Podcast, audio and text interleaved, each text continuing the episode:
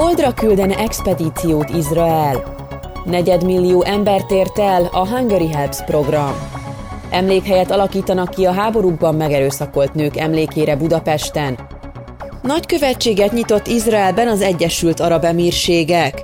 Közfelháborodást keltett, hogy a BLM mozgalom dicsérte a kubai rezsimet. Bezártak Nigéria keresztény iskolái a sorozatos emberrablások miatt. A Hit Rádió hitéleti híreit hallják. Eddig 70 millió dollár gyűjtöttek össze a második izraeli holdra szállási kísérlethez, jelentette be a Space IL alapítvány. 2019 áprilisában a Space IL lett az első magánvállalkozás, amely elérte a holdat, így Izrael hetedik országként jutott el az égitestre, valamint az Egyesült Államok, Oroszország és Kína után a negyedik országként kísérelte meg a leszállást. A legújabb küldetés összköltségét 100 millió dollárra teszik, és 2024-re tervezik, derül ki a calcalitztech.com cikkéből. A korábbi tervtől eltérően most két holdi leszálló egységgel és egy keringő egységgel számolnak, hogy növeljék a siker esélyeit, írja a cikk alapján a zsidó.com, ugyanis korábban egy hibás parancskód miatt katasztrofális landolás lett a holdra szállási kísérlet vége az izraeliek részéről. A következő küldetés során azt tervezik, hogy az egyik szerkezet a hold túlsó oldalán érné el a felszínt, amelyre eddig csak Kína tett sikeres kísérletet, a második pedig az eredeti leszállási ponthoz közel. A teljes program 5 évig tart majd, oktatási, tudományos tevékenységek platformjaként fogják használni Izraelben és szerte a világban az eszközöket.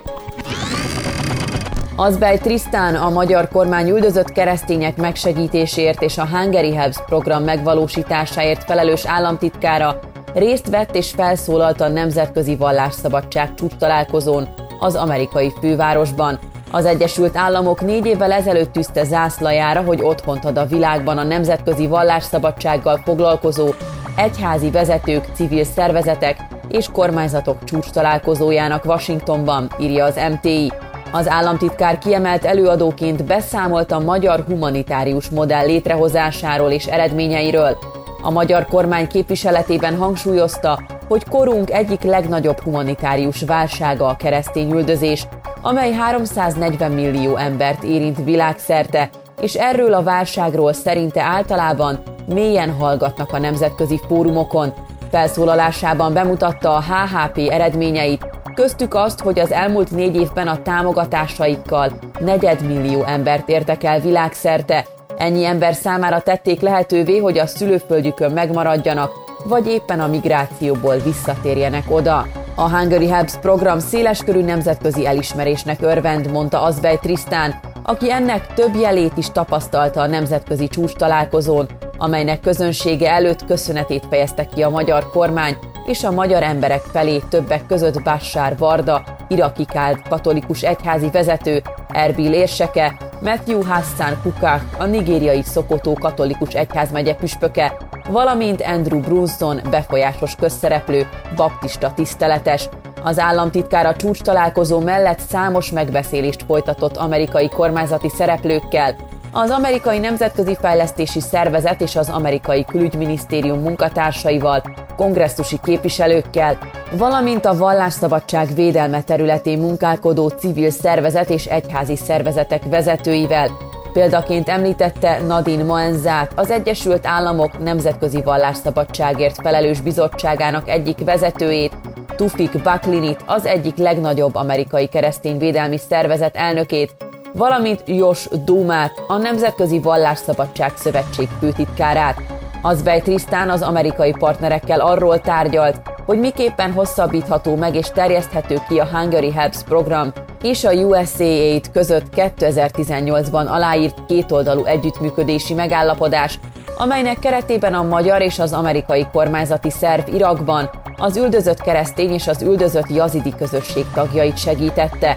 A tárgyalások másik témája az volt, hogy kiterjeszthető ez a támogatási forma és együttműködés az afrikai üldözött keresztény közösségekre, illetve Afrikában a humanitárius válságövezetekben a kiszolgáltatott nők és leánygyermekek megsegítésére.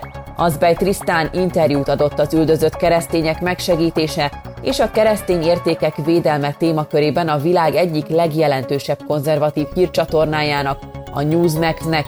Ezen szóba került a Magyarországi Gyermekvédelmi Törvény és az azzal kapcsolatban kialakult nemzetközi álhírkampány is. Az államtitkár az interjúban azt is kifejtette, hogy Magyarország milyen módon lép fel a gyermekek elleni támadásokkal szemben.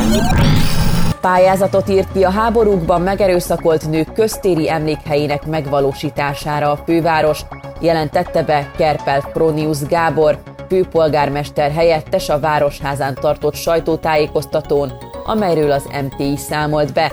A nyilvános nemzetközi pályázatra szeptember 30-áig várják a jelentkezőket, várhatóan jövő év végére hirdetnek eredményt, és jövő nyárra készülhet el a köztéri alkotás, amelyre körülbelül 30 millió forintot szánnak.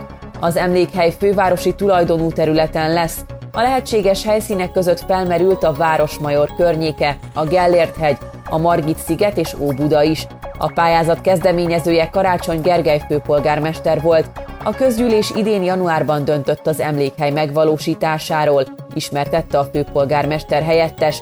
Kerpel Fronius Gábor elmondta, a téma benne van a hazai emlékezetpolitikai diskurzusban, de megfelelő emlékhely még nincs. A pályázat előkészítésében részt vesz egyébként egy művészet-történészekből, történészekből álló ötfős bizottság, amely előadássorozatot szervezett a témában. Megnyílt az Egyesült Arab Emirátusok új nagykövetsége Tel Avivban, csak tíz hónappal azután, hogy az arab ország aláírta az Ábrahám egyezményt a zsidó állammal együtt. Két hete Izrael is nyitott egy nagykövetséget és egy konzulátust az emírségekben.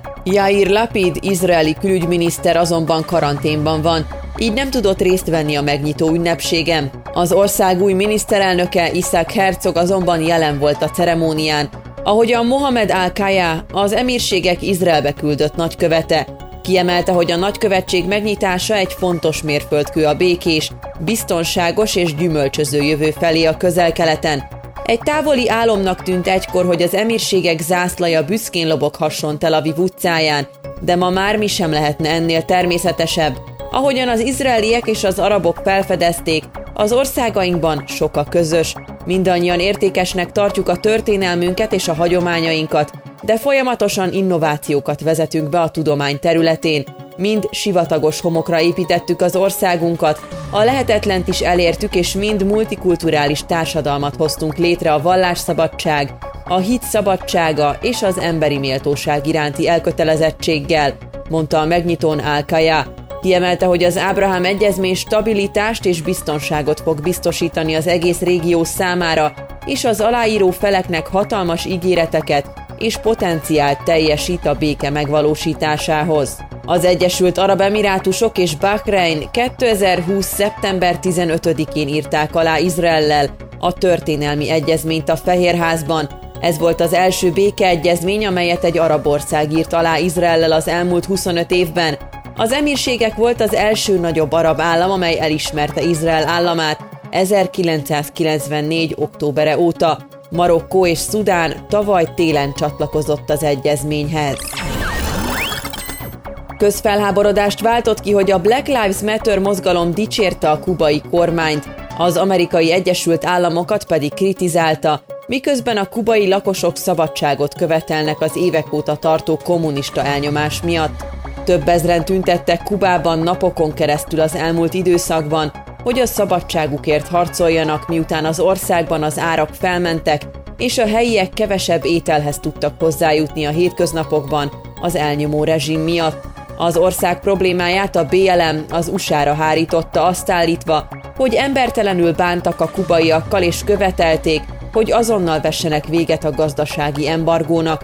A kubai krízis legfőbb okozója az a kegyetlen, embertelen bánásmód, amely destabilizálni akarja és alá akarja ásni Kuba saját kormány alakításához való jogát, írta Amerikával kapcsolatban a BLM közleménye, amelyet többek között egy kubai bevándorló fia, a republikánus texasi szenátor Ted Cruz is elítélt. A BLM csoportját, amelyet a politikát befolyásolni akaró amerikai cégek támogatnak, marxisták alapították, és míg a kubaiak minden nap az életüket teszik kockára azzal, hogy tüntetnek az elnyomó rezsim ellen, A BLM a kommunista diktatúra oldalán áll, reagált a mozgalom közleményére Cruz Twitteren. A republikánus szenátor Mark Rubio, aki szintén kubai származású, ugyancsak kritizálta a mozgalmat a kubai rezsim iránt kifejezett támogatásáért. A BLM zsaroló szervezete ma kivételesen szüneteltette a milliárd dollárokat érő villák megvásárlását azért, hogy kifejezzék támogatásukat a kubai kommunista rezsim felé, írta Twitteren Rubio. A United Nations Watch vezérigazgatója és nemzetközi ügyvéd Hillel Neuer azzal vádolta meg a BLM-et, hogy az elnyomók oldalán áll és kiemelte, hogy Kuba kormánya elnyomó és a helyi hatóságok a békés tüntetőkre fegyverekkel lőnek. A BLM szerint Amerika okoz szenvedést a kubai lakosoknak a 60-as évek óta, mert leállították a humanitárius segélyek küldését az országba. A szervezet azért is dicsérte Kubát, mert az kiállt az elnyomott afrikai emberek mellett, és véleményük szerint megvédik a feketék forradalmát, John F. Kennedy egykori amerikai elnök 1962. februárjában szabott ki szankciókat a kubai kormányra, a BLM most pedig Biden elnököt kéri arra, hogy vonja vissza a szankciókat, amely szerintük az emberi jogok súlyos megsértése. Miután több mint 140 keresztény diákot raboltak el egy kadunai iskolából, a hatóságok bezáratták az oktatási intézményeket, a térséget pedig sebezhetőnek nevezték Nigériában.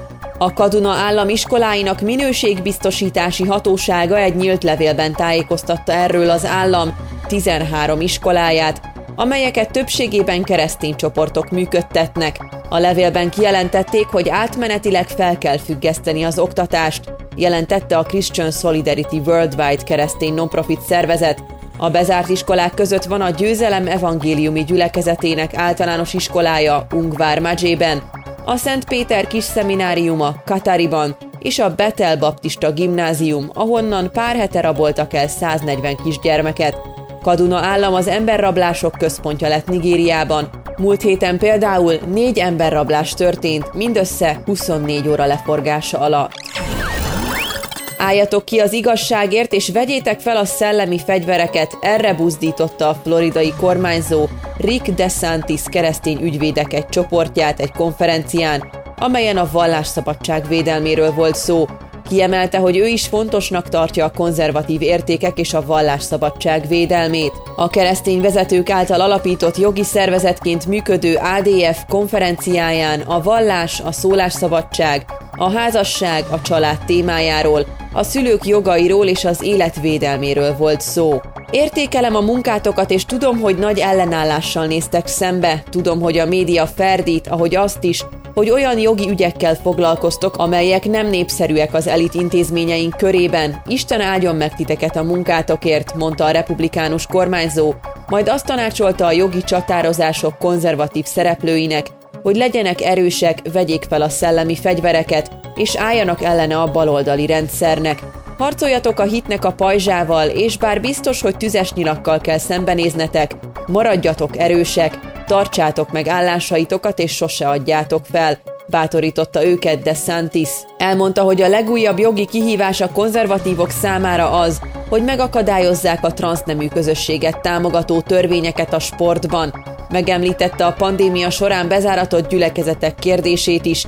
Előfordult olyan, hogy a gyülekezeteket országszerte be kellett zárni, míg a striptease bárok és az alkoholt áruló boltok nyitva tarthattak. Ennek nincs értelme, nyilatkozta, majd kiemelte, hogy a woke kultúra dominál az oktatásban, a médiában, Amerika vállalati életében és a tech óriásoknál is, de hozzátette, hogy a liberális nézetnek kevés rajongója van a társadalom ezen aspektusain kívül.